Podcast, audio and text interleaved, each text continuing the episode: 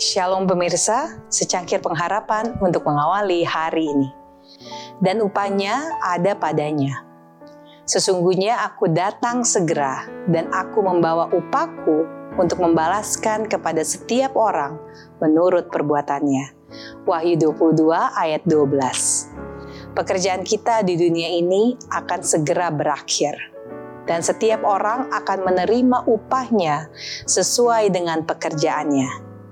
Kepada saya telah ditunjukkan upah mereka yang saleh itu, yakni warisan yang kekal, dan melihat bahwa mereka yang telah menderita paling banyak oleh karena kebenaran tidak akan berpikir bahwa mereka telah mengalami suatu masa yang sukar, melainkan akan menghitung surga itu dengan cukup murah.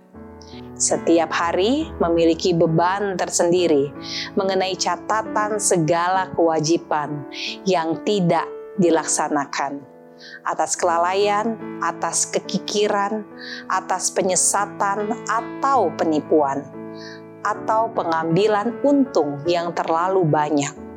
Alangkah besarnya jumlah pekerjaan kejahatan untuk hukuman yang terakhir itu. Apabila Kristus datang, betapa penyingkapan mengenai sesuatu yang akan terjadi saat itu.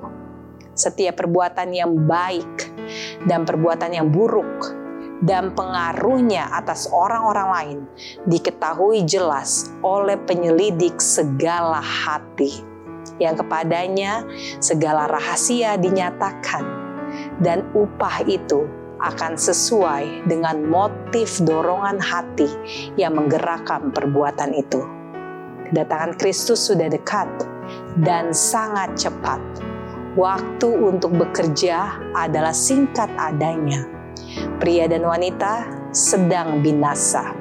Kita memerlukan kuasa Allah yang mempertobatkan untuk memegang kita agar kita boleh mengerti segala keperluan dunia yang hendak binasa ini. Beban pekabaran saya kepada Anda adalah bersedialah, bersedialah hendak bertemu dengan Tuhan.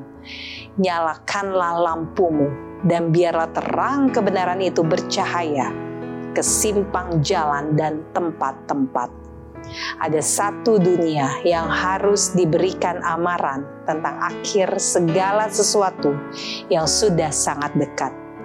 Kita memerlukan hadirat roh suci Allah bersama kita, agar hati kita boleh dilembutkan dan agar kita jangan membawa roh yang kasar ke dalam pekerjaan itu.